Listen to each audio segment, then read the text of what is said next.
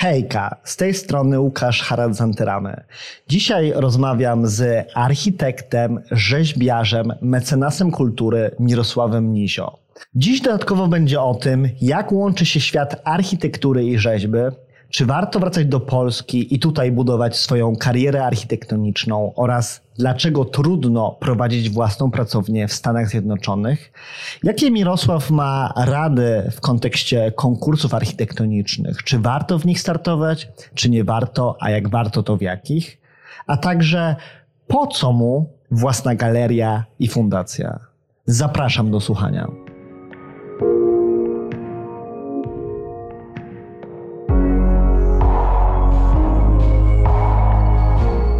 Słuchasz programu Pobudki, czyli rozmów o początku kariery, czasie studiów, dzieciństwie oraz marzeniach i zajawkach zawodowych ze znanymi osobami z branży kreatywnej. Program powstaje przy współpracy z magazynem Architektura i Biznes oraz kwartalnikiem Rzut.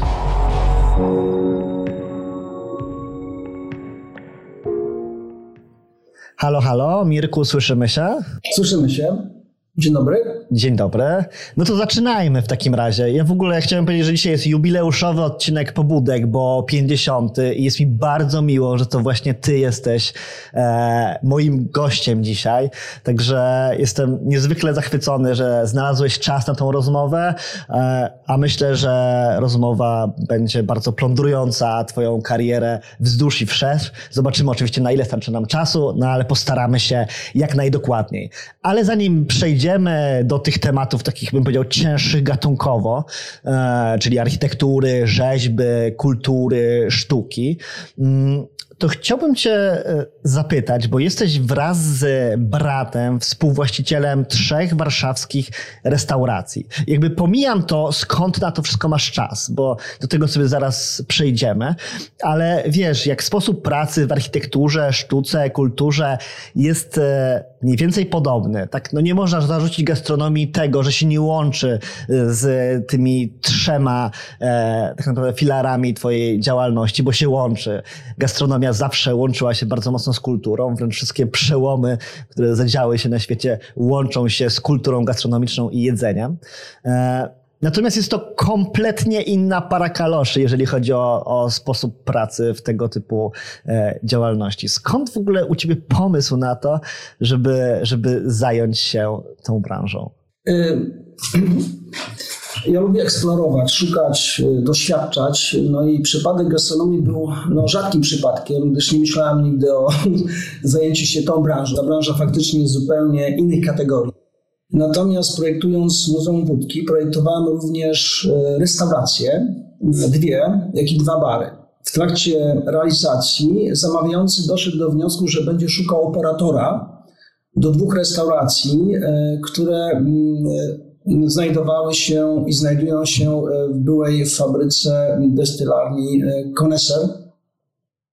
E, no i oczywiście mając na uwadze, że mój brat w tym czasie miał restaurację White Merlin w Sopocie, e, zapytałem go, czy zainteresowani jest ewentualnie przystąpieniem do przetargu na te dwie restauracje w Warszawie. A wiedziałem, że myśli o powrocie do Warszawy Wykonałem telefon, y, usłyszałem od niego jedno słowo Mirek, tak, ale tylko z tobą. No to myślę, no fajnie, projektuję wnętrza, może wprowadzę coś unikalnego jako przyszły gastronom, może kultura, może sztuka, może inne działania artystyczne, które y, no, z natury są też fajne, jeżeli popatrzymy na y, przebywanie w restauracji. A nie mówiąc o ładnym wystroju, ciekawym, który też no, daje bardzo dużo. No i tak też się stało. Mm, wygraliśmy przetarg, stałem się gastronomem, to było 3 lata temu.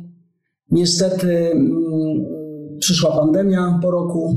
Przed pandemią y, wnętrze uzyskało E, no, nagrodę, jedno z pięciu najpiękniejszych na świecie, co przychylnie sprawiło, że znała, stała się znana również ze względu na kuchnię Michała Gniatka i wcześniej Aleksandra Barona. No i oczywiście przyszedł moment trudny zamknięcia restauracji niestety pół roku temu z bólem serca z łzami w oczach, bo włożyłem tam dużo energii, ale nic się nie stało, ja idę do przodu, tak więc zostawiam pewne sprawy zamknięte. No i e, stało się tak, że otworzyłem następną restaurację. To jest przy Zamku Jazdowskim. E, nazwa tego miejsca to Klon, przy pięknym, starym klonie dwustuletnim. No i oczywiście mając na uwadze przyrodę, naturę, miejsce niesamowite, które staje się teraz dla mnie, jak i dla wszystkich miejscem spotkań, oddziaływań, interakcji. Tak też tworzę. Takie miejsca to jest faktycznie gastronomia, dobra kuchnia, a zawsze staram się, aby kuchnia była topowa, w sensie dań i również szefa kuchni, który Michał Gniatek, który był w Zoni wcześniej. No i miejsce jest naprawdę y, fajne, tak? Pomimo y, kilkumiesięcznej, y, miesięcznego postoju. Y, zaczynamy tworzę nowe miejsce, ściągam fajnych ludzi, mam planie spotkania z pasjonatami różnych dziedzin, mam program również przygotowany, tak więc no, jest to żywioł, którym się zmierza. Wiecie, chyba w ogóle źle przedstawiłem w takim razie. Oprócz architekt, rzeźbiarz, mecenas kultury, powinienem jeszcze dodać gastronom, tak, żeby to dopełniło, dopełniło pełen obraz. Ale wiesz, chciałbym teraz wrócić do tego, o czym mówiłem na samym początku. Skąd ty na to wszystko masz czas? Bo yy, ja nie wiem, czy ty jesteś w ogóle jest ciekawe. Czy ty, czy, czy ty, jesteś wciąż osobą projektującą, czy bardziej jesteś już biznesmenem? I wiesz, ja tu absolutnie nie uważam, że któraś z tych opcji jest gorsza. Po prostu każda kariera ma, ma pewne etapy i myślę, że to, czym się obecnie zajmujesz, będzie też bardzo ciekawe dla, dla naszych widzów w kontekście właśnie twojej kariery zawodowej. E, no, niestety powiem, że niestety, niestety, ale to jest mój atut, e, moja siła, że jednak e, staram się kreować, projektować, każdą rzecz osobiście. Nie zostawiam tego ze względów biznesowych, że nie mam czasu. E, zawsze robię to z serca, również z pasji. E, dlatego jak godzę te wszystkie różne tematy, które są wokół dziejące się, mówię o fundacji, o galerii, e, pięknych projektach, bo mamy wspaniałe projekty, które mają wymiar no, bardzo edukacyjny, historyczny, czyli wymagają naprawdę wytężonej pracy twórczej. E, tak jak gastronomia czy działania, które teraz podejmuję, to są ludzie, tak? Ja e, znajduję i mam szczęście do ludzi. E, gromadzę wokół siebie pasjonatów, ludzi, którzy mnie wspierają. Ja jestem osobą, która dedykuje, która załóżmy w przypadku galerii łączy pewne doświadczenia pewnych ludzi, którzy tworzą ze mną piękne projekty. Tak więc mówiąc nie sam to robię, ale jestem osobą, która daje energię, która przyciąga i która e, no, dąży w kierunku e, eksploracji wszystkiego, co mnie otacza, różnych dziedzin. I to się sprawdza. Zawsze tworzę grupy i zespoły, które są ze mną, motywuję, spotkamy się w różnych miejscach i to żyje. I to jest chyba proces, który najbardziej mi odpowiada. Zawsze noszę ze sobą szkicownik, tak? Nawet teraz mam ten szkicownik i sobie notuję. Nie znaczy, że opowiadając, y, projektuję teraz jedną no, z ciekawych y, rzeczy, które mam teraz na, na desce, ale tak robię, tak? Notuję, rozmawiam. Jest wspaniale. Co jest w ogóle ciekawe, jestem bardzo ciekawy, y, jakie e, szkice albo jakie zapiski zostaną po tej rozmowie. Myślę, że na backstage'u po e, sobie przeanalizujemy, co tam sobie zanotowałeś i wyrysowałeś, bo to może być ciekawe podsumowanie tej rozmowy w kontekście, w kontekście promocyjnym. Ale dobrze, mówiliśmy już teraz trochę, przeszliśmy do projektowania, to faktycznie zostańmy przy tym projektowaniu i przy architekturze. I pewnie widzowie pobudek doskonale wiedzą, że ja lubię się powoływać na taki cykl architektury i biznes. 10 pytań do, to jest taki cykl, gdzie jest 10 pytań, na które trzeba krótko odpowiedzieć. E, no i ty też byłeś gościem tego cyklu. No i tam pierwszym pytaniem jest, czym jest dla ciebie architektura? W trzech słowach. I to odpowiedziałeś tak, zaproponuję raczej w dziewięciu, bo zależy zależy od wielu okoliczności. Praca, pasja, piękno, funkcja, forma, doskonałość, krew, pot i łzy. I to jest w ogóle ciekawe, bo to się łączy w takie, bym powiedział, trzy filary. Jedne związane trochę z etosem pracy, drugie z funkcją, sposobem użytkowania i w ogóle formą i tak naprawdę bardzo mocno częścią projektową, a trzecia z cierpieniem. Wiesz, to to jest, jakbyś to rozwinął, wiesz, bo to jest o tyle ciekawe, że, że ja poszukuję wśród e, ludzi z branży kreatywnych różnych definicji architektury i bardzo ciekawi mnie ta twoja. I zastanawiam się tutaj nad tym, e, czy ona wciąż jest obowiązująca. Wiesz, to było jednak, ten wywiad był półtora roku temu, więc może coś się zmieniło. No i też bardzo ważna informacja, tutaj w Street Cloudzie, w pobudkach nie ma bardzo sztywnych reguł, więc nie musisz się ograniczać do, do trzech, a nawet tych dziewięciu słów. Powiedzmy, że dostaniesz tyle, ile chcesz w tym momencie. Tak, no nie ukrywam, że mm, projektowanie, ta branża jest y, niełatwym tematem, y, ale Myślę o architekturze jako przeznaczeniu, jako zadaniu, które mi dano, a działam e, w tematyce tożsamości, historii przeważnie, tematach, e, które no, opowiadają trudną historię. Już mówiąc o Muzeum Powstania Warszawskiego, Muzeum Polin, Tysiąc lat historii Żydów Polskich, czy Muzeum Markowej, e, Muzeum Głodu teraz w Kijowie. Czyli e, zakładam, że te tematy, e, które są mi dane, są wielką odpowiedzialnością. Dlatego staram się robić w sposób bardzo uczciwy, bardzo kreatywny, bardzo dojrzały. Im dojrzalszy jestem, tym projekty wydaje mi się są bardziej docenione, gdyż to doświadczenia wynikające z doświadczeń tych poprzednich projektów Dlatego y, architektura jest dla mnie no, przesłaniem, zadaniem, y, wyzwaniem. Y, I tak bym w skrócie to określił. Czasami boję się pewnych wyzwań, dlatego podejmuję projekty mm, ostrożnie. Próba czasu, zmierzanie się z pewną materią jest obciążające również emocjonalnie. I niektóre projekty, które mi są dane, wstrzymuję na jakiś czas, dając sobie ten czas. E, i e, podejmuję, jeżeli jestem gotowy. Dlatego e, to jest ważny aspekt. Nie kierują się mną jakieś standardy, jakieś inspiracje, które można znaleźć w internecie. Raczej robię swoje i staram się to robić w sposób, jak powiedziałem wcześniej, uczciwy, rzetelny, gdyż może mam to zadanie w swoim życiu, żeby takie tematy podejmować. No właśnie, bo ruszyłeś ten temat związany z tym e, ładunkiem emocjonalnym w Twoich projektach i on faktycznie jest e, no jest ogromny, prawda?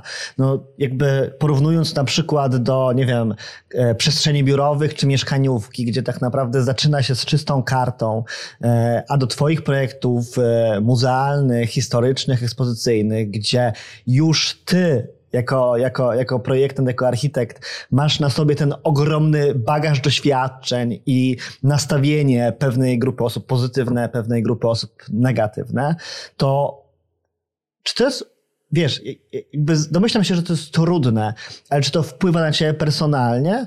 Wiesz, bo jednak e, tego typu emocje są momentami bardzo trudne do jakiegoś takiego zracjonalizowania. No, nie ukrywam, że jest to trudne.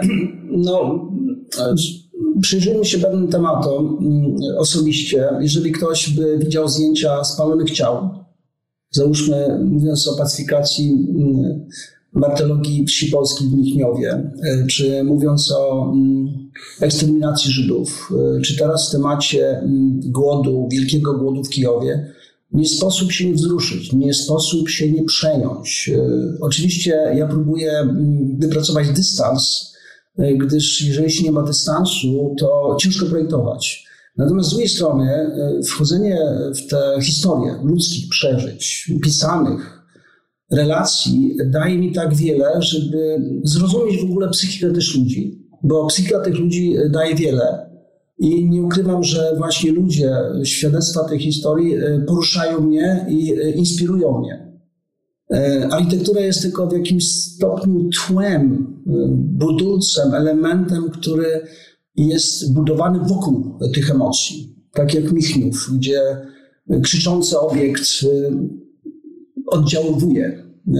Natomiast jeżeli przyjrzymy się wnętrzom, te wnętrza krzyczą, mówią słowem, dźwiękiem, uzupełniając się. Dlatego y, to jest właśnie to, co jest istotne w zrozumieniu tej historii. Czasami budzę się w nocy i myślę i odczuwam i nie ukrywam, jest to trudne. Tak? Dlatego może ta wrażliwość, którą mam w sobie, a jestem artystą, mecenasem, czy już mówiąc o różnych sformułowaniach, tą wrażliwość zawsze mam, e, posiadałem i e, chcę tę wrażliwość w sposób umiejętny przetransformować na język fizyczny. No właśnie, wspomniałeś też o tej całej sferze doświadczeń w Twoich budynkach, nie tylko wizualnych, ale też i dźwiękowych, i świetlnych. Ja, można powiedzieć, że te budynki są bardzo rzeźbiarskie w, twojej, w, swojej, w swojej formie i właśnie zawierają różnego typu e, zmysły, natężenie ich i one faktycznie czasami jak muszą, to krzykną, czasami jak muszą, to tupną, a czasami doprowadzą cię do łez. I zastanawiam się, w zasadzie, bo też przedstawiasz się jako rzeźbiarz i też jesteś rzeźbiarzem, jak ta architektura z rzeźbą dla ciebie, dla ciebie się brata? To jest taki nierozłączny duet, czy jednak, e, czy jednak czasem razem, a czasem, czasem osobno? Znaczy ja nie, nie traktuję tych elementów architektury jako rzeźby. Raczej jest to wynikowa buduje napięcie, buduje formę. Ten budynek zaczyna e, się przeobrażać, jak i również eksponować pewne doznania. I tak e, tworzy się e, obiekt na pograniczu może pewnej rzeźby, pewnej formy, która nie jest przypadkowa. Staram się wchodzić w syntezę, ale nie eksplorować i nie wydobywać w sposób bardzo artystyczny, bardzo taki rzeźbiarski tematów, które są zbyteczne. Dlatego to, co widzimy, to jest ta synteza. Czy graniastosów bijający się w ziemię w Muzeum Markowej, czy obiekt martologii wsi polskiej w Winkniowie, który zaczyna krzyczeć, który zaczyna drgać, czy Muzeum teraz Wielkiego Głodu, kiedy wydobywa poprzez tektonikę terenu, ziemi snopy światła, y, czy oddziałuje, y, odkrywa prawdę.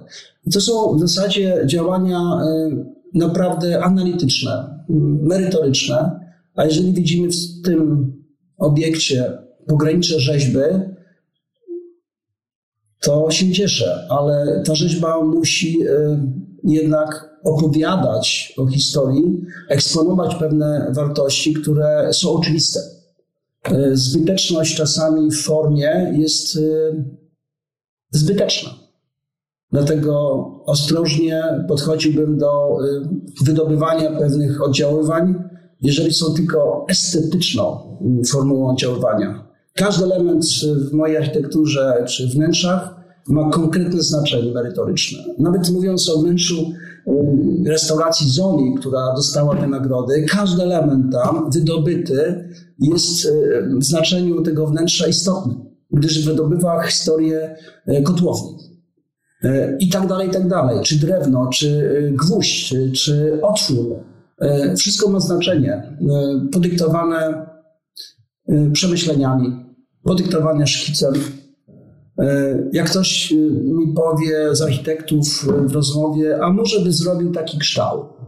Ja mówię, ale czym jest podyktowany ten kształt? No wydaje mi się, że jest fajny no to wtedy co robię? Oczywiście druzgocąco krytykuję e, staram się jednak w przekazie mm, kierować się e, pewną filozofią, pewną formułą, która ma znaczenie i to się udaje. Przyznam, że to nie jest mainstreamowe podejście, ale jest mi bardzo bliskie i bardzo mi się podoba to, co, to, co mówisz i jak opisujesz tą, tą swoją pracę, opisujesz e, tym samym też trochę siebie. I wiesz, wydaje mi się, że w tym momencie zbudowaliśmy trochę taki pejzaż e, Mirosława Nizio i czas zacząć odkrywać, skąd to wszystko się wzięło, e, jakie są tego pobudki, jakie są twoje motywacje, gdzie to wszystko się zaczęło. Więc proponuję, żebyśmy zaczęli teraz eksplorować twoją karierę, karierę i stworzymy sobie taką twoją oś czasu od e, czasów najmłodszych do czasów e, obecnych, a może wyjdziemy jeszcze trochę w przyszłość. E, no i tworząc tę oś czasu, naturalnym pierwszym pytaniem jest to, kim chciałeś być w dzieciństwie. Napisałem sobie tu na szkicowniku. Urodziłem się w 1964 roku w Biłgoraju. w rodzinie rzemieślnika, ojca, stolarza, artysty, jak i dziadka, rzemieślnika, e, również rolnika. No i wydaje mi się, że e, te wszystkie, biorąc rodzinne korzenie, dały mi może to, kim jestem teraz. Rzemieślnikiem, artystą, biznesmenem, wrażliwą istotą, jak i również praktycznie również wykonawcą. E, no i oczywiście to wszystko, mm, biorąc w jedną całość, wykreowało moją drogę twórczą pracy u ojca w zakładzie, ciężkiej pracy, bo były to trudne czasy komunistyczne, lata 70., 80., kiedy zostałem wprowadzony w ten wir pracy, przetrwania, wczucia się w drewno, gdyż ojciec wykonywał meble, również elementy architektoniczne w zakładzie stolarskim. No i to wydaje mi się pobudziło moje, mój, mój jakby instynkt kreowania, zmierzenia się z materią różną, drewnem, stalą, jak i również przestrzenią. No i wydaje mi się, że w tym momencie poczułem, że jestem w swoim żywiole. E, nie do końca wiedziałam, jak ta kariera czy moje życie się potoczy, ale wiedziałam, że będę chciał e, być twórczy. Gdyż miałam tą wrażliwość, a już w szkole podstawowej byłem jednym z lepszych artystów, malarzy czy, czy rysowników gdyż moje wszystkie prace zostały mm, zawsze eksponowane na ścianach szkoły podstawowej nr 3 w Biłgoraju. Tak więc e, ta droga wydaje mi się była klarownie oczywista. E, później Liceum Plastyczne w Lanczowie, Akademia Sztuk Pięknych, Architektura Wnętrz, no i oczywiście wyjazd do Nowego Jorku. E, ale zmierzałem się z obiektami małymi, dużymi, a z natury również dużymi, które oczywiście są teraz dla mnie już głównym celem. E, tak więc wszystkie te elementy, biorąc całość, e, tworzą pewną e, całość mojej osobowości, tak mi się wydaje. Zostaniemy w takim razie na dłuższą chwilę przy Twoim czasie studiów, bo myślę, że to będzie ciekawe to poeksplorować. Bo studiowałeś w Polsce zarówno na Wydziale architektury wnętrz, jak i Wydziale Rzeźby na ASP warszawskim. Co w zasadzie było pierwsze? Czy to było równoległe do siebie? No to w ogóle może wrócimy najpierw do liceum plastycznym w Nanczowie. Wydaje mi się, to liceum, liceum w Nanczowie bardzo mi ukierunkowało, gdyż to liceum jest chyba jedynym rodzaju, jedyną rodzaju uczelnią, która e, eksploruje również uczy, edukuje różnych e, dzieci e, z kręgu sztuki. Mówiąc o meblu, mówiąc o malarstwie, o rzeźbie, o grafice, o formach użytkowych, plecionce, o tradycji rzemiosła. Naprawdę tam po prostu poczułem, że wszystko chcę posiąść. Robiłem fotele bujane z wikliny, robiłem zabawki dla dzieci z drewna, robiłem meble, ale również pochłonąłem się w malarstwie rysunku. No i wydawało mi się, że malarstwo i rysunek, y, a naprawdę czułem to głębi serca, y, jest moją drogą, którą chcę zmierzać. To niesamowite. Zamierzałem przystąpić do studiów, złożyć pracę Akademii Sztuk Pięknych w Gdańsku. Były takie moje zamierzenia. Pięć lat niezwykłej historii, ciężkiej pracy. No i po pięciu latach niestety, może niestety, namówił mnie ojciec, żebym jednak wrócił do zakładu stolarskiego, żebym mu pomógł. Jak to syn będzie malarzem, warto jednak podejść do materii, do mm, utrzymania i kontynuacji tego dziedzictwa y, rzemieślniczego, jakim ojciec, dziadek mm, rozpoczęli. E, no i tak też zrobiłem po roku pracy, jednak zabrakło mi czegoś. Byłem w małej depresji, byłem w niepokojącej takiej trochę sytuacji zmierzających do chyba nie celów, jakie sobie zakładałem, czy takich rzemieślniczo-biznesowych. Podjąłem silną decyzję, mocną decyzję, no i dostałem się na Akademii Sztuk Pięknych. Zerwałem jakby z tą historią dziedzictwa, ale posiadłem wszystko, co mi dało siłę, tak? czyli determinację, również no, E, wszystko to, e, co dziadek ojciec mi e, przekazał. No i tak też podążałem później drogą architekta wnętrz Akademii Sztuk Pięknych. Też podjąłem to wyzwanie trudne, walczyłem, starałem się zrobić jak najwięcej. Czyli reasumując, już mówiąc o tych procesach i etapach mojej kariery edukacyjnej, zawsze w każdym czasie, w każdym miejscu, gdzie byłem, chciałem zrobić jak najwięcej. Chciałem wykorzystać ten czas maksymalnie, y, maksymalnie do wypracowania wszystkiego, co jest mi potrzebne. Nie marnowałem czasu raczej. Nie wyjeżdżałem, raczej siedziałem w tym akademiku na krakowskim przedmieściu i męczyłem rapitografem na tej kalce nocami i dniami, żeby jednak y, zrobić coś, co mi daje satysfakcję. No byłem chyba bardzo no, znaną osobą trochę, y, która tylko siedzi i pracuje, a nie eksploruje troszkę innych wyzwań w środowisku, ale taki jestem. Może ten cel osiągam ze względu na tą pasję, ciężką pracę, ciężką pracę. No ale na etapie tych e, studiów w Polsce, wciąż się tutaj jeszcze, jeszcze zatrzymajmy, to uważasz, że więcej dało ci życie na studiach faktycznie z, nie wiem, z profesorami, doktorami akademickimi, czy jednak życie poza studiami, o którym przed chwilą też trochę wspomniałeś, że siedziałeś z rapitografem dzień noc i też rozwijałeś się w sposób samodzielny? No, nie ukrywam, że, że nie można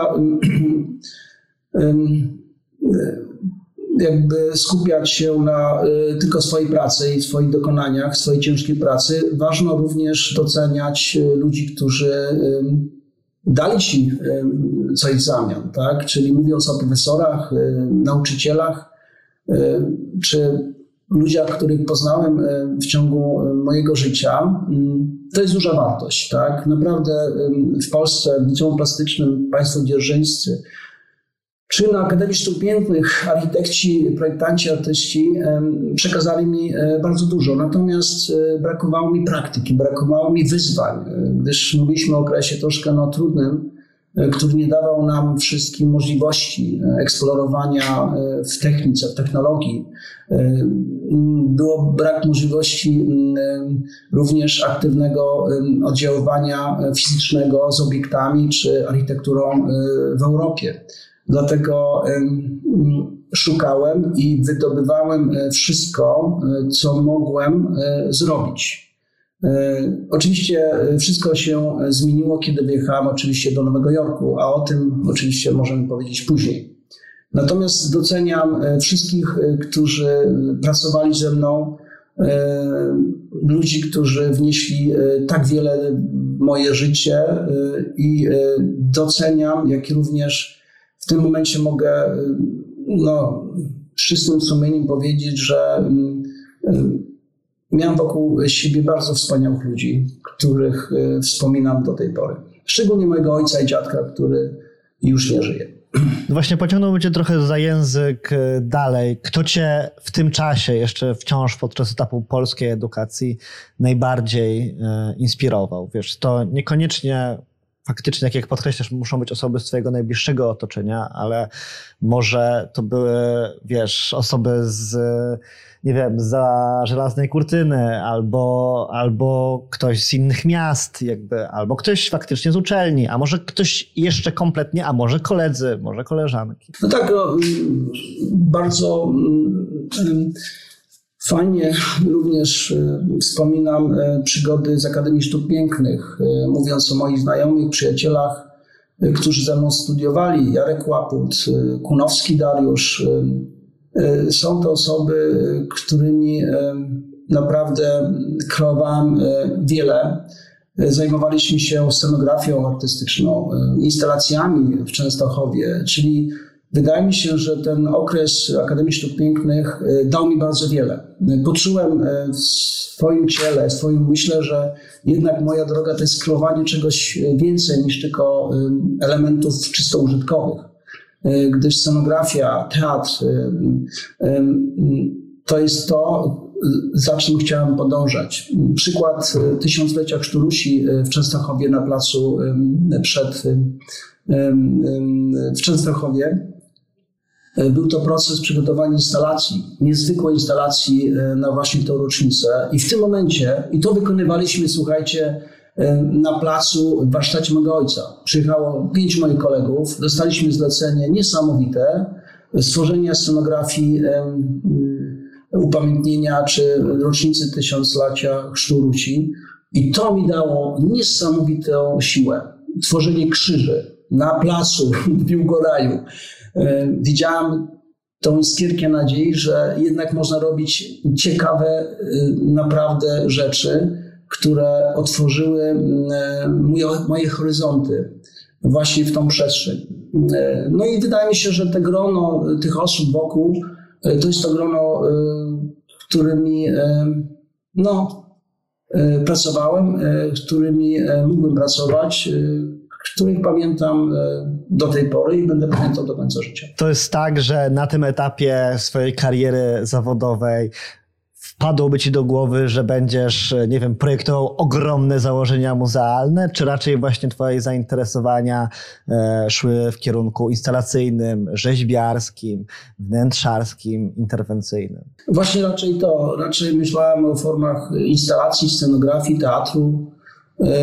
To mnie pociągało. Widziałem w tym siebie gdyż łączyłem rzeźbę, architekturę w małej oczywiście formule, jak i również teatr.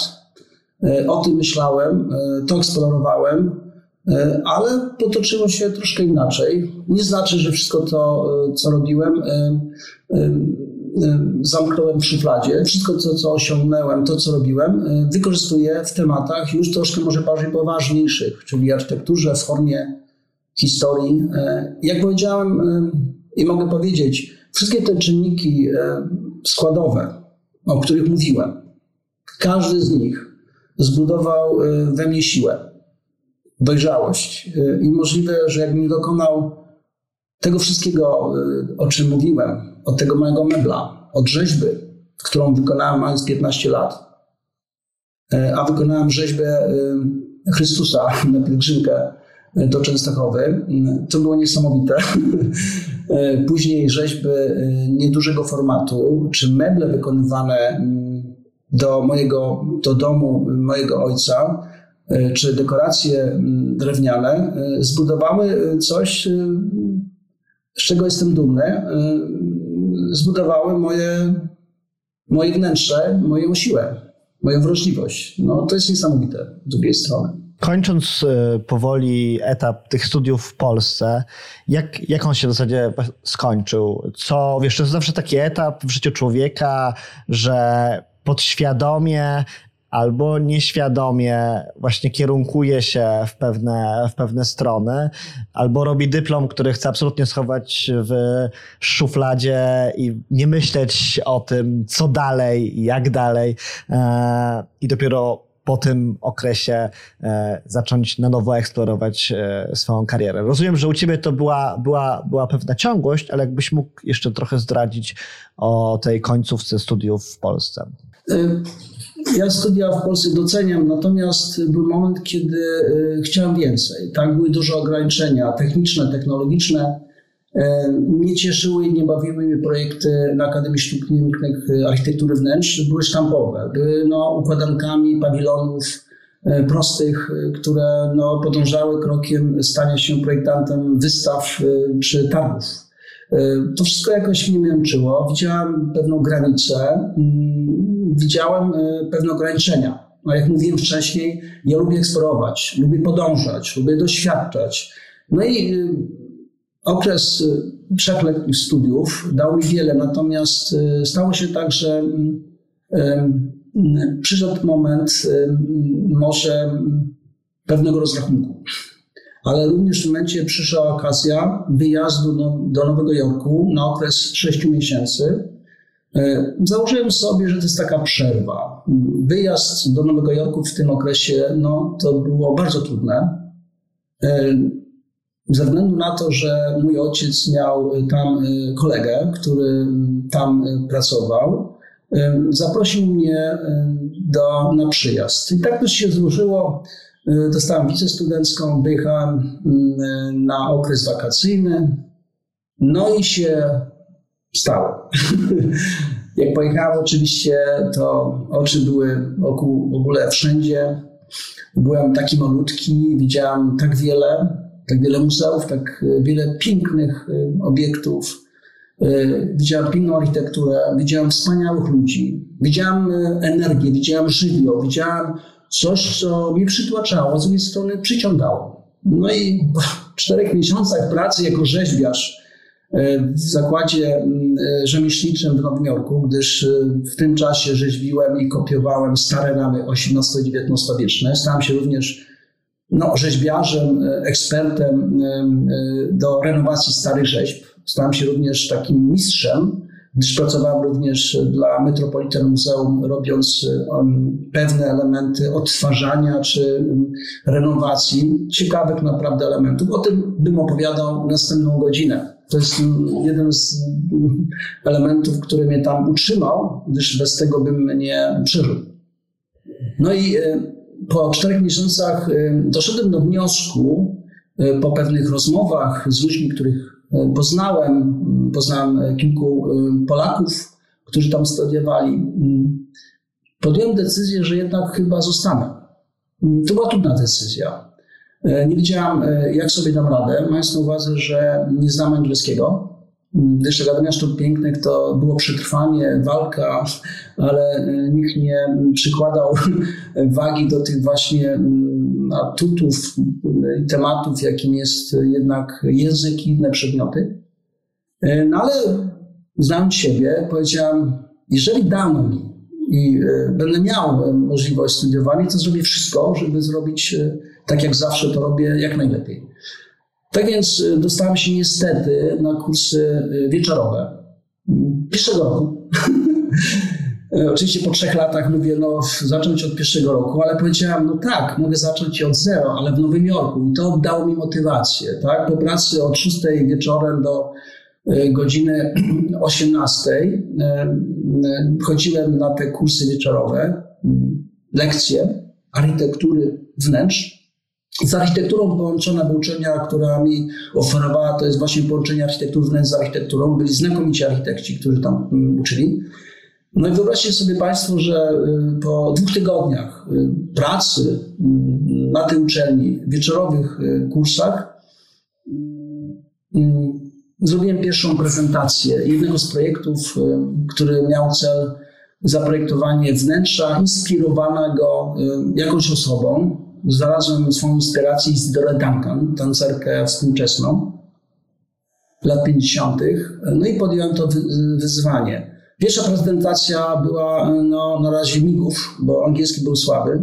Natomiast y, prezentację zrobiłem na tyle dobrze, że y, zauważono mm, mój talent, moją pasję i w ciągu dwóch tygodni przerzucono mnie na trzeci rok. Bez jakichkolwiek innych y, kursów, toflów, no i to było znaczące, że jednak y, ukazując, pokazując y, moje y, działania, doceniono. No i mogę powiedzieć o wielu osobach tam, które mi pomogły w tym. Wyobraźcie sobie Państwo, młody człowiek bez angielskiego zaczyna lekcje, studia dzienne z ludźmi, którzy no, angielskie znają perfekcyjne.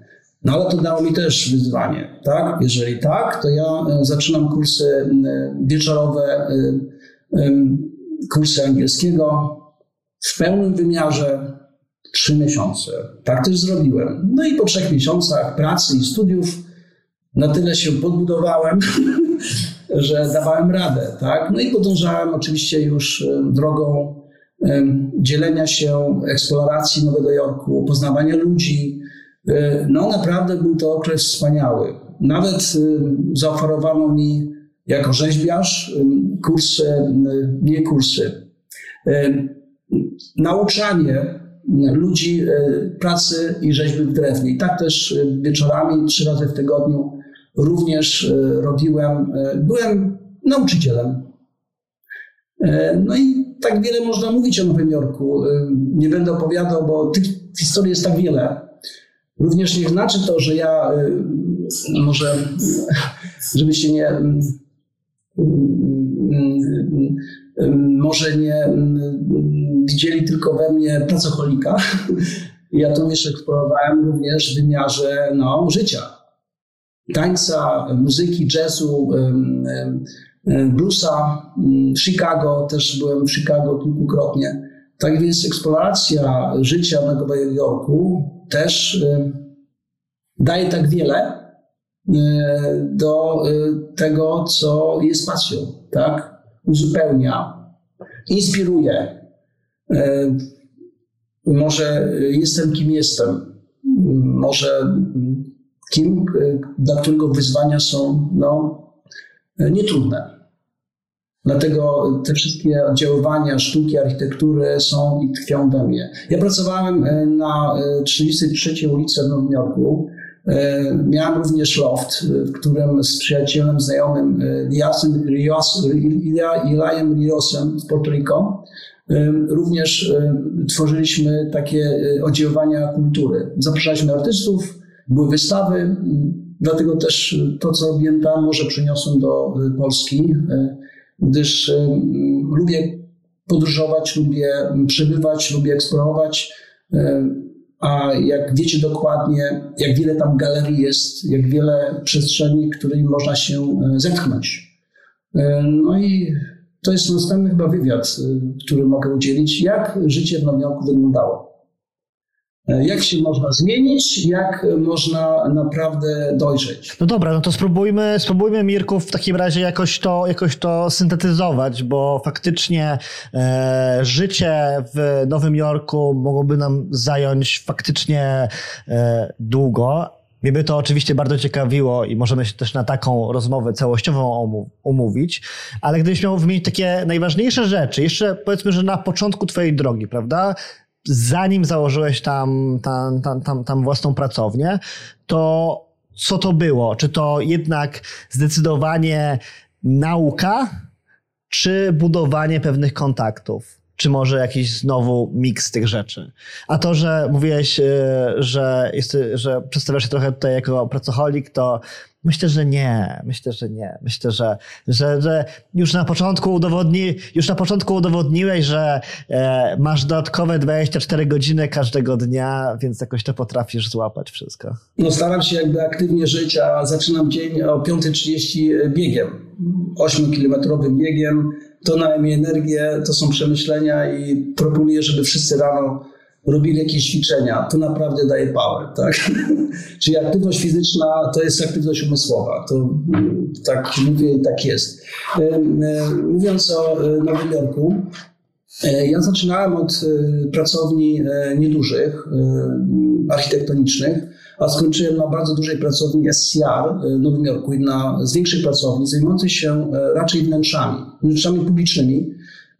Merrill Lynch, e, e, Night Security to są przestrzenie projektowane dla takich firm czysto finansowych lokalizowanych na World Trade Center, czyli w miejscu, w którym było to wydarzenie w 2000 jeden, pierwszym roku. E, no i to e, spowodowało, że poznałem prawdziwy świat biznesu. E, również poznałem świat designu. Wyrowałem na różnych spotkaniach biznesowych. Metropolitan Muzeum, gdzie odbywały się coroczne spotkania architektów, architektów wnętrz tak zwane takie spotkania poznawcze. Bywałem e, w różnych miejscach, w którym poznawałem ludzi. Naprawdę świata biznesu, architektów, e, projektantów wnętrz, ubranych naprawdę fenomenalnie. Tam nauczyłem się również, jak się prezentować. Jeden z przyjaciół powiedział, Mirek, jeżeli chcesz pójść do klienta, musisz ładnie wyglądać. Mieć zegarek, dobry krawat, z Macy's, nie, nie tani, e, również dobrą marynarkę. I wszystko to było ważne. Nauczyłem się biznesu pod względem również e, zachowania, jak również poznawania. No i tego brakowało w Polsce. Później spotykałem się również z klientami właśnie tych dużych firm, z którymi rozmawiałem i prezentowałem projekty. A projekty wyglądały też e, trochę inaczej. W przygotowaniu nie komputerowym, nie takim technicznym. Ja szkicowałem, rysowałem kredką, pastelą, tworzyłem obrazy, które były prezentowane na tych spotkaniach i to zamykało temat. A dlaczego dostałem się do tych dużych firm? Bo pokazałem szkice.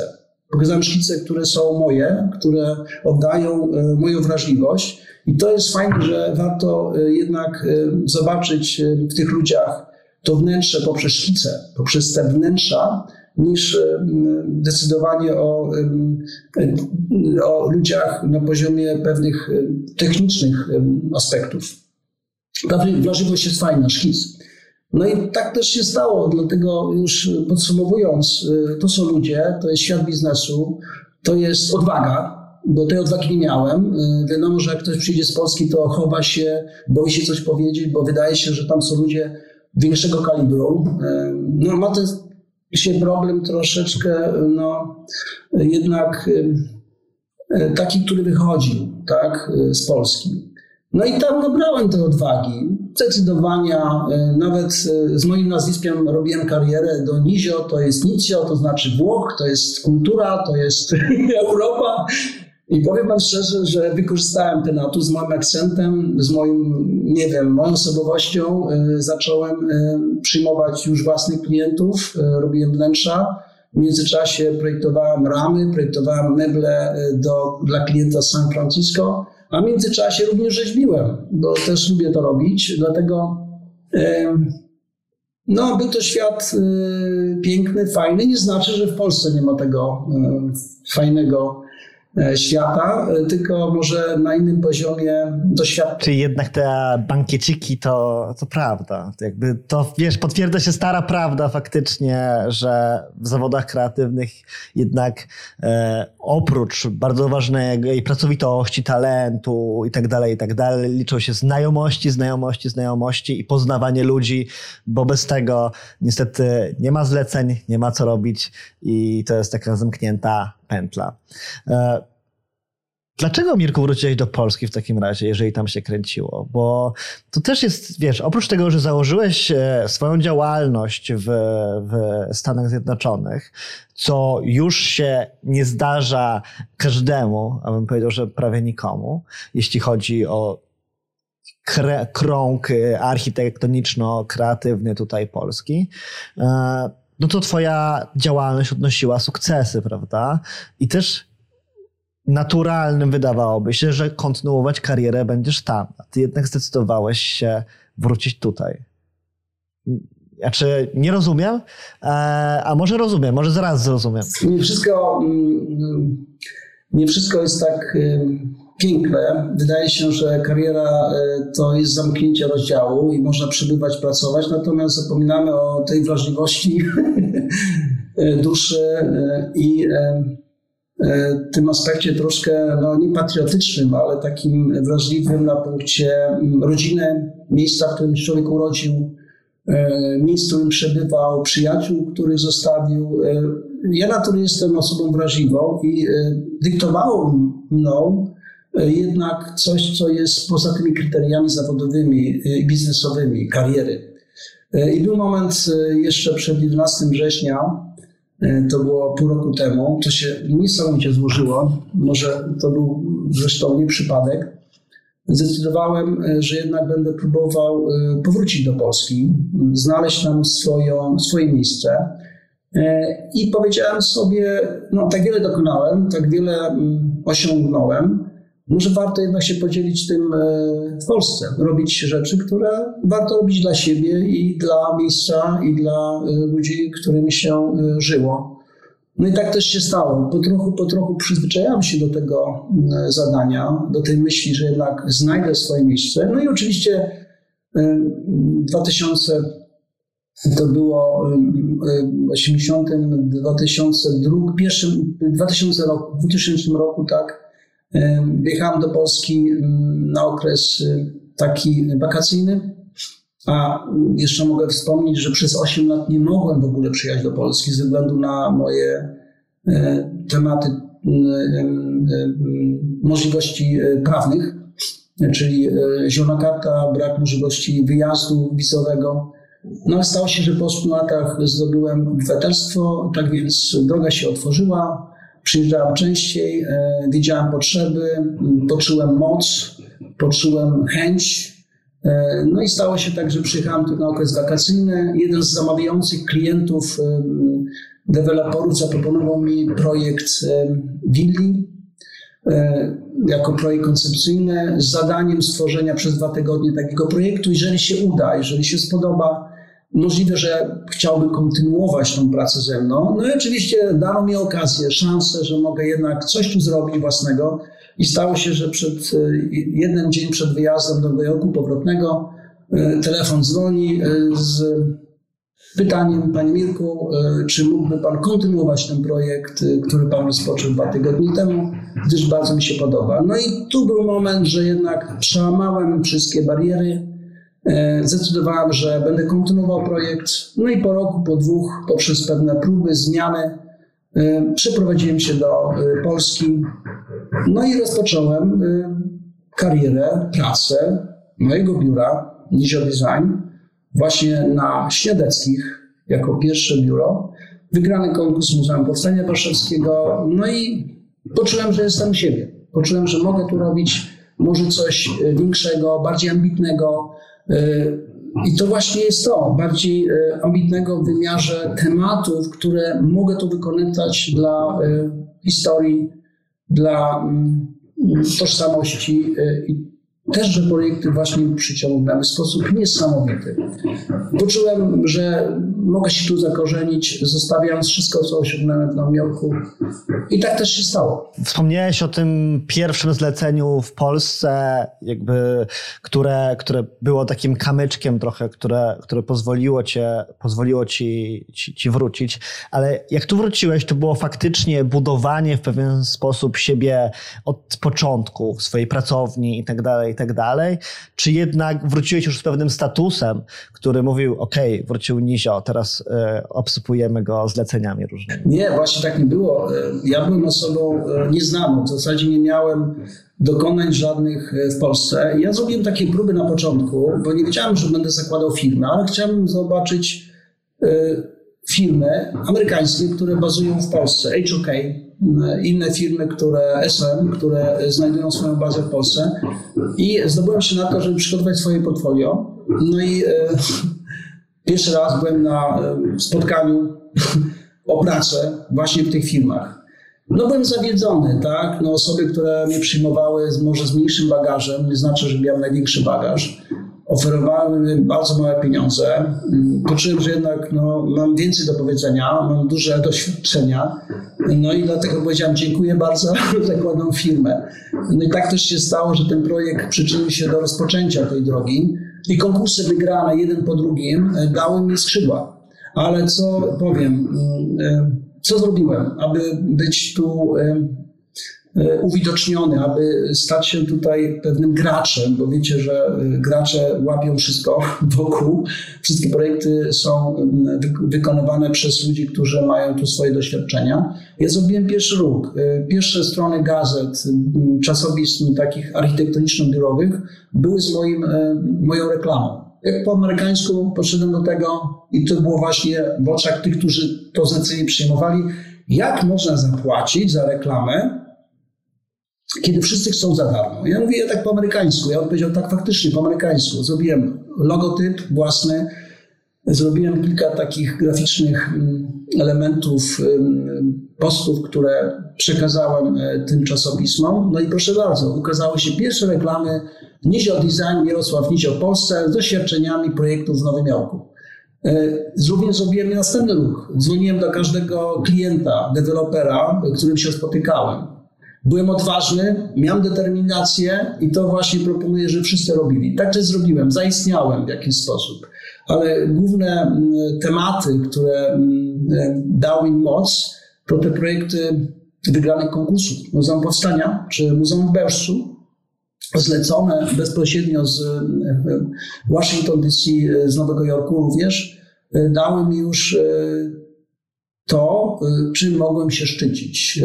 Wykonane dobrze, przygotowane w sposób po amerykańsku, dały mi możliwość zleceń innych tematów.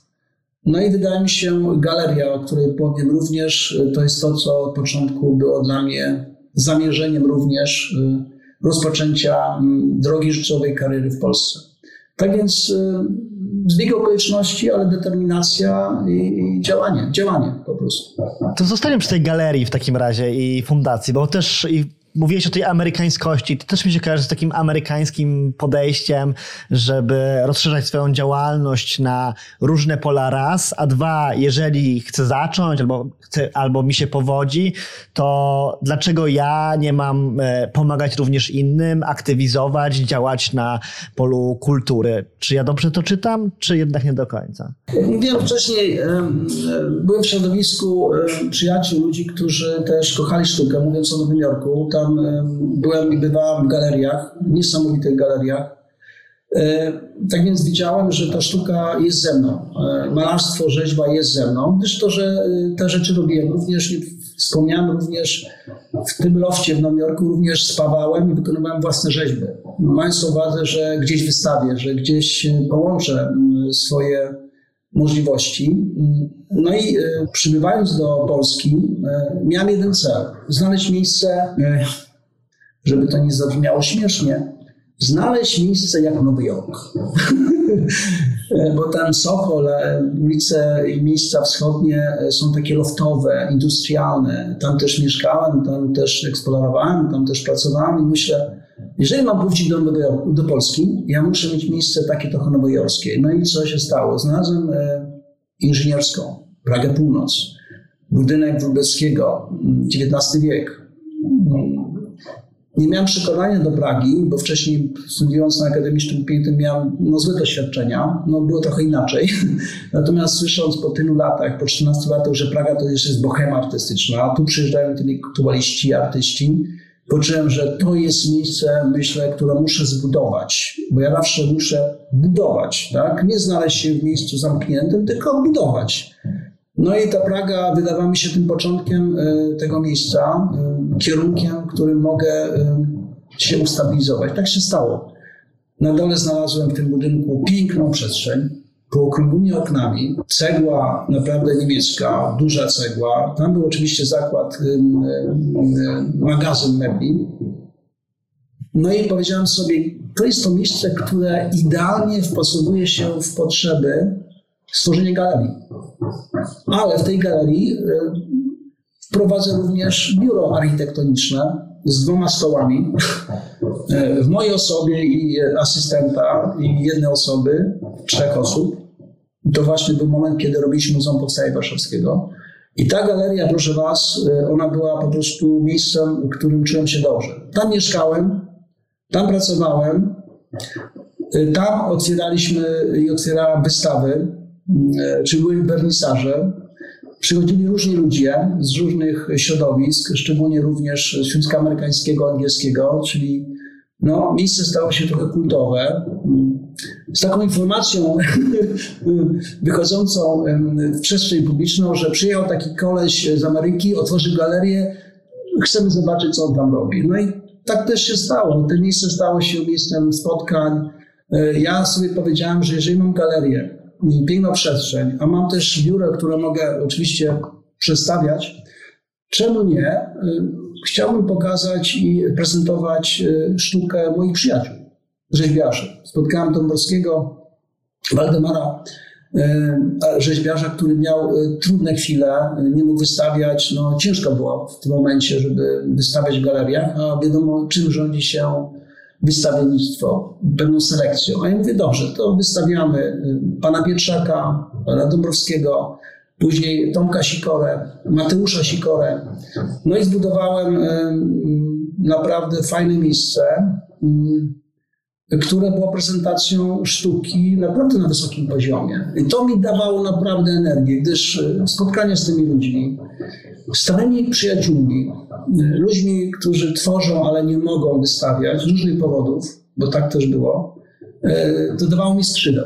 W międzyczasie projektowałem Muzeum Powstania Warszawskiego, Muzeum Beszczu, inne tematy, inne tematy. I no, to, co uwielbiam, dziejące się rzeczy wokół mnie, inspirujące, motywujące, nic do tej pory nie zmieniłem. W międzyczasie oczywiście, w międzyczasie oczywiście biuro się rozrosło, przejąłem następne piętra, pierwsze, drugie, trzecie piętro, gdzie już te biuro funkcjonuje. Galeria po 20 latach i mogę powiedzieć tutaj do wszystkich, mija 20 lat w następnym roku mojego pobytu w, w Polsce, otworzenia biura, otworzenia galerii, fundacji i mam nadzieję i w planie mam stworzenie wystawy właśnie dwudziestolecia, może w Zodiaku, zobaczymy. No i ta galeria, już wracając, stała się miejscem moim, kochanym. Sam odrestaurowałem, piękne drewno, belki XIX-wieczne. Teraz mam wystawę mebli, które rewitalizuję, gdyż kupuję stare meble. Galeria jest przestrzenią do spotkań, do rozmów. Zapraszam również różnych ludzi, którzy mają pomysł. Na przykład we wrześniu mamy koncerty kameralne muzyki poważnej, opery narodowej, które to utwory kompozytorów żydowskich będą prezentowane w Stanach Zjednoczonych na turnę w następnym roku. O galerii też mogę mówić godzinami, natomiast w skrócie mówiąc, jest to temat, który naprawdę daje mi wiele. Czy materia mistrza, którą stworzyłem w zeszłym roku, o materii, mówiąc o materiałach, o tych elementach tradycji związanym, które eksplorowane są przez współczesnych artystów. Znalazłem fajnych ludzi, stworzyłem koncept, dostaliśmy dotację z ministerstwa, żeby stworzyć taki program, cykl tych spotkań z artystami. Proszę Państwa, mogę Państwa pójść na, wejść na fundację i zobaczyć ten cykl materii mistrza. Czyli mówię szybkim tonie, dlatego jest tak wiele do powiedzenia, że wiem, że w półtorej godziny tego nie zrobię. Natomiast o galerii mówiąc, jest to żywioł. Tak? Ja zawsze tutaj będąc na trzecim piętrze, zawsze idę sobie na dół do galerii, w spokoju siadam na moim foteliku odrestaurowanym, czytam książeczkę, myślę. I to jest moje miejsce, w którym mam wiele wspomnień. I mamy oczywiście następne plany, co w tej galerii będzie. Mogę, może, może na tyle o galerii, mogę powiedzieć o fundacji. Fundacja jest też podmiotem, który wynika chyba z przeznaczenia. Gdyż działaliśmy również i działam w przestrzeni Pragi Północ. Zdało się tak, że poznałem ludzi z rodzin patologicznych, dzieciaków, którzy nie mieli swojego miejsca, a były to naprawdę dziwne sytuacje na Pradze. Poznałem Fundację Lisieckiego, Dom Dziecka, ludzi, dzieci bez rodzin. No i tak się stało, że potrzeby były duże, tak więc fundacja stała się fundacją wsparcia. Tak, były spotkania, były tu Mikołajki, dzieci oczywiście z rodzin bez, bez rodziców, tak, czyli rodzin patologicznych. No i stało się, że ta fundacja podąża celem szukania nowych wyzwań. Tak jak ostatnio szukanie wyzwań w znajdowaniu ludzi, którzy mają pasję, ograniczenia pewnych niesprawności, żeby pokazać, jak pasja przełamuje bariery w życiu. I właśnie ta pasja jest przykładem mojej historii, która w już przekazie innych osób, jeszcze z innymi problemami, naprawdę fizycznymi, robią tak wiele fajnych rzeczy. Spotkanie ostatnie z Kiną Zamaną w Klonie, w mojej restauracji, opowieści o jej drodze przełamania barier, jako dziewczyna nie, nie słuchem w wieku 13 lat, jazdy na psim zaprzęgu czy jachtowania ekspedycyjnego, no proszę Państwa, takie rozmowy i takie prezentacje dają ciarki po plecach, dają tak wiele, że o czym my mówimy. To są tematy, o których warto mówić, potykać ludzi, którzy pasją przejmują wszystko. Ja jestem skromny w stosunku do tych ludzi, którzy to robią, ale staram się oczywiście właśnie przyciągać, pokazywać, prezentować, współtworzyć takie miejsca prezentacji, w których możemy się dowartościowywać, czy podnosić się z tego upadku, czy problemów natury ostatniego lockdownu siła, power, moc y, to jest to, co potrzebujemy. I takich ludzi y, chcemy słyszeć. Czuć w sobie wielką pasję i misję wobec tej galerii i, jak, i fundacji. I to jest wspaniałe tak naprawdę to, o czym mówisz i to, i co e, z tym robisz. Chciałbym wrócić jeszcze do twojej pracowni, jeżeli pozwolisz. E, w Polsce już. Czy był taki moment, który uznajesz za moment przełomowy, w którym stwierdziłeś, że to zmierza wszystko w dobrym kierunku, w takim, którym chcesz i marzysz? E, czy to była seria jakichś mikromomentów i taka po prostu linia e, wznosząca? Może jakiś szczególny projekt, wiesz, a może, a może po prostu wydarzenie? No tak, no, na początku e, pierwszego roku projektowałem mieszkania, biura Wydawało mi się, że to jest nie to, co chciałbym robić, ale musiałem jakoś przetrwać. Musiałem rozpocząć e, w, Polsce projekty, które są dochodowe, gdyż no, już utrzymanie kilku osób to też jest wyzwanie. E, miałem jakieś zabezpieczenia, jakieś oszczędności, ale to się kończyło. Natomiast y, głównym projektem, ważnym projektem, który przełamał wszystkie bariery, który otworzył mi drogę, to jest projekt Muzeum Powstania Warszawskiego, wygrany konkurs y, w współautorstwie z Jarkiem Kłaputem i Darkiem Kunowskim, jak i również przekazany mi projekt Muzeum w byłym w Bełżcu. Te dwa projekty w zasadzie wybiły moją firmę, moją osobę do rangi, y, załóżmy biura, które podąża y, kierunkiem może nietypowym, ale dla mnie naprawdę idealnie trafionym w moje potrzeby. I to są te projekty, które zmieniły mój los, y, zmieniły kierunek, a wracając jeszcze do Nowego Jorku czy Polski, realizując właśnie instalację tysiąclecia Chrztu Rusi, czy pracę dyplomową, którą robiłem w Nowym Jorku, rewitalizacji teatru La Mama, bardzo kultowego teatru y, w Soho, na Dolnym Manhattanie, y, y, już ukierunkowało mnie w swoich zamierzeniach pasji zawodowych.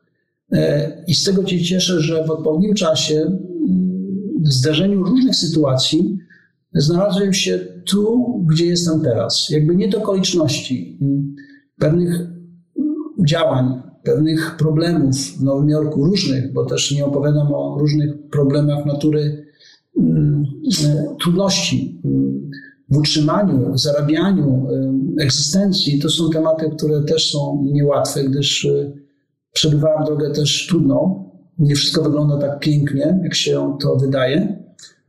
Doprowadziło mi do celu robienia rzeczy, które kocham, które chcę kontynuować. Bardzo cieszę się, że wspomniałeś o tych e, również negatywnych doświadczeniach i trudnościach i przeciwnościach, bo no, buduje to pewną autentyczność, prawda? Że to nie jest taki success story tylko i wyłącznie, ale, ale jednak trzeba się napocić, trzeba popłakać i trzeba pocierpieć, żeby dojść do pewnego momentu, e, w którym obecnie się znajdujesz. Zresztą ja też bardzo się cieszę, że w tym momencie się znajdujesz i tu ze sobą e, rozmawiamy.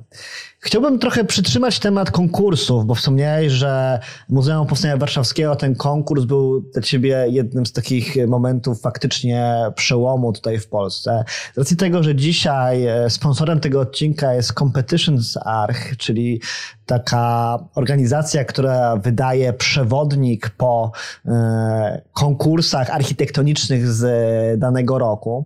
Mm, I po prostu to jest przegląd różnych konkursów. Jakie jest w zasadzie Twoje doświadczenie konkursowe? Czy wiesz, chciałbym, żebyś dał taką radę młodym twórcom i twórczyniom, e, w jakich konkursach powinni startować, a w jakich nie powinni startować. Bo konkurs konkursowi nierówny, a twoje doświadczenie konkursowe przecież jest przeogromne. Znaczy ja staram się podchodzić do konkursów w sposób bardzo selekcyjny. E, selekcyjny e, w mojej materii, którą chciałem się zmierzać. Tak? Nie przystępuję do konkursów obiektów komercyjnych, bo tego nie czuję. Oczywiście, jeżeli są projekty komercyjne, które mają jakąś otoczkę sztuki, tak niedługo jak będzie konkurs Akademii Sztuk Pięknych we Wrocławiu. Może, gdyż to są tematy, które mają do czynienia również z ekspozycją, z przestrzeniami edukacyjnymi. Natomiast staram się selekcjonować dokładnie te konkursy, również przykładając wielką wagę do finansów. Wiadomo, że jeżeli się ma biuro 20-osobowe, może się pozwolić na przystąpienie do konkursu, który jednak kosztuje. Aby przystąpić do konkursu, warto przeanalizować dogłębnie ten konkurs i zrobić go dobrze, nie po łebkach. Bo jeżeli zrobimy konkurs tak, żeby opchnąć i zrobić go w trzy dni, to nie o to chodzi. Ja traktuję konkursy jako też lekcje. I to zawsze mówię architektom. Przystępując do konkursu, nie myślcie tylko o wygranej, bo jak przegramy, to wszystko upada. Ja się podnoszę. Wygrywamy, przegrywamy. Tak też wielu architektów robi, znanych. Nie tak, że wielcy architekci, którzy mają wielkie dokonania, chwalą się przegranymi konkursami. To jest po prostu we krwi architekta. E, I to, co jest fajne, to jest konkurowanie, to jest szukanie najlepszych rozwiązań i zmierzanie się z innymi. Nawet wydaje się, że przegranie z mniejszą firmą, mniejszym doświadczeniem też nie jest porażką. Gdyż e, wiemy, że Zaha Hadid, jak e, robiła konkursy, to też przegrywała. E, mówimy o Zultorze czy innych projektantach. Też kupiłem właśnie ostatnią książkę projektów, które są niezrealizowane. O czym nie wierzę, cała książka jest wydrukiem projektów naprawdę ciekawych, które nie zostały zrealizowane lub zostały odrzucone w konkursach. I to dało mi też taką pozytywną energię. No, nie znaczy, że się przykrywa, to znaczy się idzie się w drugim kierunku. Raczej to wyzwala e, więcej energii. E, I tak też robię we wszystkim, co robię. Tak? E, jak w przypadku Zoni, restauracji, która niestety została zamknięta ze względów pandemicznych, niedogadania się w kwestiach finansowych. Tam zostawiłem moje serce, tam zostawiłem wszystko. Musiałem to zostawić ale co? Dało mi wielką moc, żeby zrobić inną restaurację i powiem, ja wam pokażę. Zrobię coś, co jest, jest fajne, dobre, które ma znaczenie. Dlatego y, w znaczeniu y, życiowym drogi y, porażki budują. I to jest właśnie to, co chciałem powiedzieć architektom. Wyobraźcie sobie, szukajmy swoich wyzwań, ale w tej materii, w której jesteście dobrzy, nie starajcie się robić e, projektów, które są może zbyt duże, zbyt e, no, mm, przekraczające nasze możliwości, nawet takie bytowe, finansowe, ale budujmy coś po trochu. E, skupmy się na małych rzeczach, zbudujmy to dobrze, ale jeżeli będziemy gotowi za kilka lat budowania większych tematów, to bądźmy gotowi. Ja mówiąc o meblach, o tych rzeczach, które robiłem, budowałem to w sposób bardzo E, systematyczno taki dojrzały. E, I może jestem gotowy na większe tematy, ale nie chcę o tym mówić, tak? Ja lubię też małe tematy. Twoja kariera jest takim idealnym tak naprawdę e, przykrojem od e, małych rzeczy do, do przeogromnych i też jestem bardzo ciekawy, jakie będą jej kolejne rozdziały. I w zasadzie tego dotyczy moje kolejne pytanie. Czy ty wyobrażasz siebie e, sobie w tym zawodzie albo w tych zawodach do końca życia, czy jednak myślisz, że kiedyś tym rzucisz i pójdziesz w totalnie innym kierunku? Nie, raczej nie. Wydaje mi się, że ta materia historii wystaw, wystawienniczej części ostatnio robimy i koordynuje Muzeum Bolka i Muzeum Animacji. E, te tematy dały mi kurcza wielką satysfakcję. Natomiast e, czasami się nudzę. nie nudzę się, tylko muszę odskoczyć, muszę złapać e, coś, muszę coś zrobić, tak jak w tych tematach, o których mówimy, czy galerii, czy teraz restauracji, e, czy eksploracji, czy spotkań z ludźmi, to mi daje e, uzupełnienie, gdyż czasami człowiek potrzebuje po prostu ruchu, szukania, inspirowania się. Ale nie wyobrażam sobie, żebym zmienił moją drogę poprzez zmianę mojego przeznaczenia, czyli na przykład wejście w temat tylko gastronomiczny. Ale jeżeli pomyślimy o gastronomii, to jeżeli ja bym robił tylko gastronomię, to też bym zrobił, myślę, ciekawą rzecz. Stworzyłbym tam sztukę, kulturę e, i e, e, menu, które będzie specyficzne, inspirowane mm, światem, podróżami. Tak więc, a jaka droga mnie czeka jeszcze w eksplorowaniu mm, wokół siebie tematów? No, tego nie mogę powiedzieć, bo mam jeszcze inne fajne pomysły, które mógłbym rozwijać. To przychodzi nagle, tak jak restauracja, tak jak fundacja, tak jak galeria. To przychodzi nagle. Jeżeli chcemy, róbmy to. Tak? Jeżeli będziemy zamykać e, w jednej przestrzeni e, i e, budować na siłę pewne tematy, które trochę nas męczą, no to źle się to skończy. Raczej próbujmy być e, otwarci na wyzwania. No jestem bardzo ciekawy, w którym kierunku to się, to się będzie u ciebie rozwijać, że tak będziemy z biegiem lat dodawać do tego architekt, rzeźbiarz, mecenas kultury, gastronom, pewnie kolejne i kolejne aktywności i wciąż pewnie z wielkim podziwem będziemy wszyscy na ciebie patrzeć i jeszcze bardziej zastanawiać się, skąd ty na to wszystko masz czas. E, na sam koniec, e, Mirku, mam trzy pytania.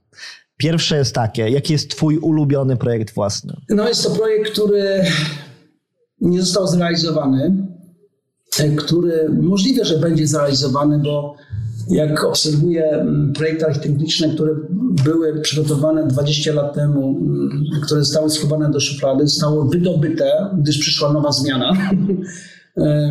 Tak więc projekt Kamienne Piekło Grossrosen jest to projekt, który jest dla mnie bardzo ważny. W niesamowitym kontekście, trudnym kontekście.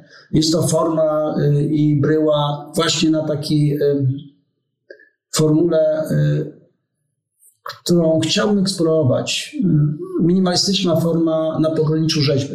Architektura na pograniczu rzeźby, gdzie minimalnymi środkami prostymi możemy wydobyć po prostu esencję y, z tego miejsca, esencję historii z tym związanej. Ściana, schody, pustka, dziura w ziemi, y, materiały, które są dobrane w sposób, myślę, bardzo y, dogłębny. Ten projekt przechodził fazy realizacji. Niestety, tu mogę powiedzieć, co mnie zawsze drożniło i co mnie męczy i z czego nie mogę z czym się pogodzić, to jest wkraczanie polityki w projekty, zmiany rządzące się osobistymi racjami. I ten projekt był już realizowany, zmiana będzie realizowana, e, czekamy. E, ale powiem tak, jak w przypadku Michniowa, projekty myślę trudne, nawet realizacyjnie, a mam inny wątek później, e, zawsze muszą przejść drogę cierpienia, dojrzewania. I ten projekt wydaje mi się, że zrobimy, może jak będę starszy jeszcze, e, może zrobimy jakieś jeszcze ciekawe rzeczy, co może pozwoli na rozumienie tego projektu jako projektu bardzo dojrzałego, wykonywanego przez e, osobę, firmę, która ma dokonania. E, to jest czas, który nadejdzie prawdopodobnie. No i to jest ten projekt, którym się bardzo utożsamiam, którym chciałbym być, chciałbym zrealizować. A największa zawodowa porażka? No zawodowa porażka to ja tak myślałem czasami o tym, co, jakie, jakie porażki y, mogły być i sobie mogę przypomnieć. Jedyna y, porażka y, to jest nie moja, tylko systemu. Systemu w Polsce. To jest porażka, którą porażką nie mogę się pogodzić. Tak? I to wielu architektów może powiedzieć z czystym sumieniem. Jeżeli człowiek robi własne mm, projekty, realizuje, dba o szczegół, dba o jakość, e, sercem, tak jak sercem podchodzę do każdego tematu, porażką jest to, że wokół e, nas są firmy, są ludzie, którzy nie doceniają wartości, jaka jest e, w nas.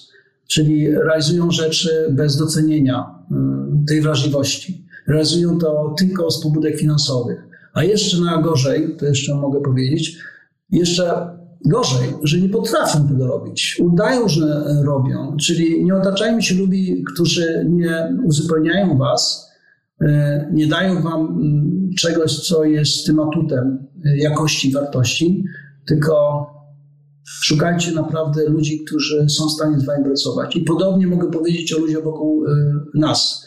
Pracujmy z ludźmi, którzy mają tą pasję, którzy nie zabierają energii, ale dają energię, bo nie sposób dawać, ale trzeba również dostawać. I tak się ma ze wszystkim wokół. Dlatego to wszystko, co chcę robić, co robię, to, jest, to są ludzie, którzy są chętni do współpracy, mają coś do przekazania. Jeżeli nie mają nic do przekazania, przykro mi powiedzieć, ale warto jednak skończyć tą współpracę. I to jest sukces, myślę, który jest tą puentą naszej kariery. Ludzi, którzy lubią robić to, co lubią. No i to jest porażka, którą chodzić. Dlatego w ostatnim czasie, 5 lat temu, 6 lat temu założyłem y, spółkę. To jeszcze inne mam spółki. Spółkę MWE, która realizuje ekspozycje i rzeczy, które są wykonane, przygotowane przeze mnie, przez firmę, ale również, mając na uwadze oczywiście okoliczności finansowe i bytowe, również y, realizujemy ekspozycje przygotowane przez innych projektantów. Tak jak Muzeum Piłsudskiego. Wykonaliśmy do A do Z, całe muzeum, wykonane przez WISA.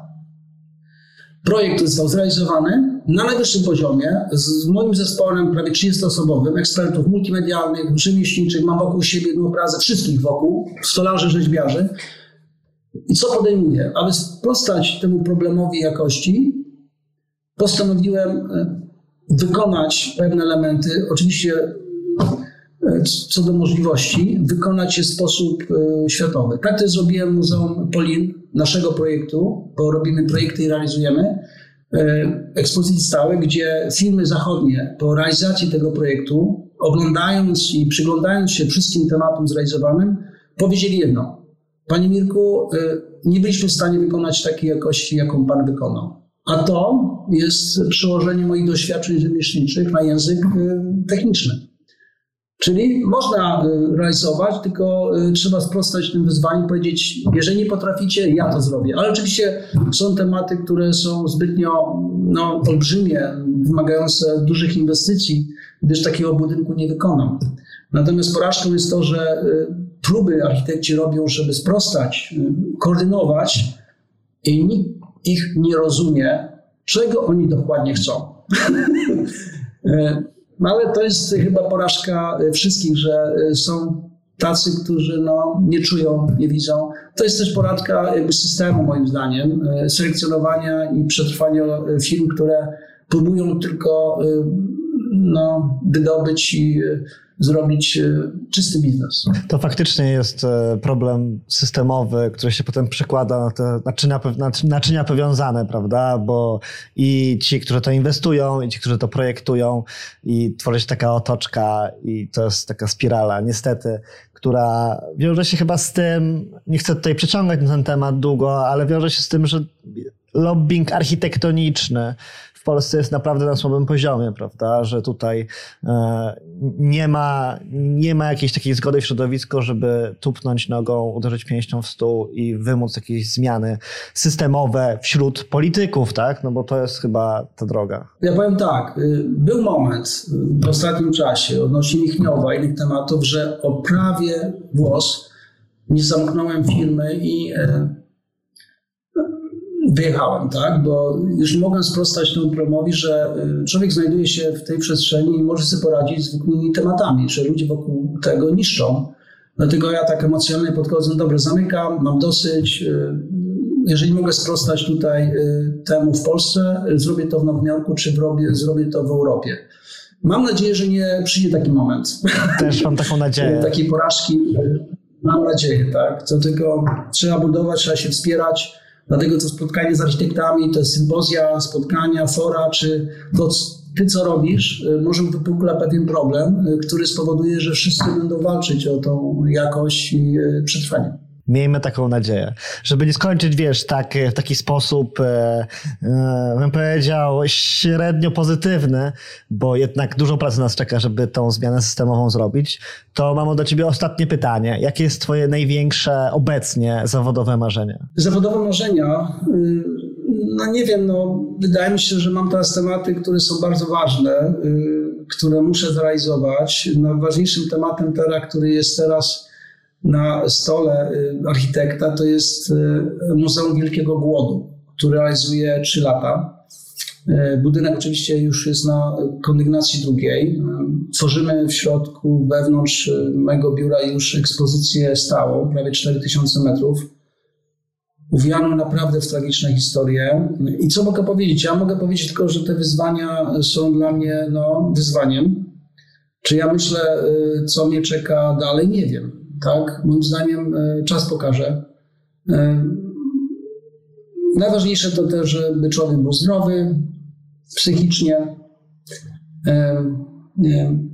i tworzył w najlepszej wierze, jakiemu celowi służy nasze przeznaczenie. Tak? No i do tego dążę. Ja Ci tego, Mirku, z całego serca życzę. Zacznijmy właśnie od tego zdrowia i tej e, dobrej wiary w kontekście, w kontekście wykonywanych zadań, ale też tej pasji niesamowitej.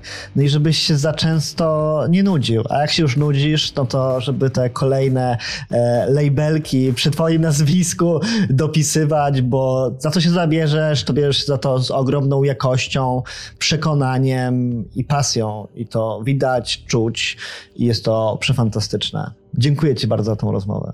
Dziękuję serdecznie za rozmowę. Była przymiła, naprawdę.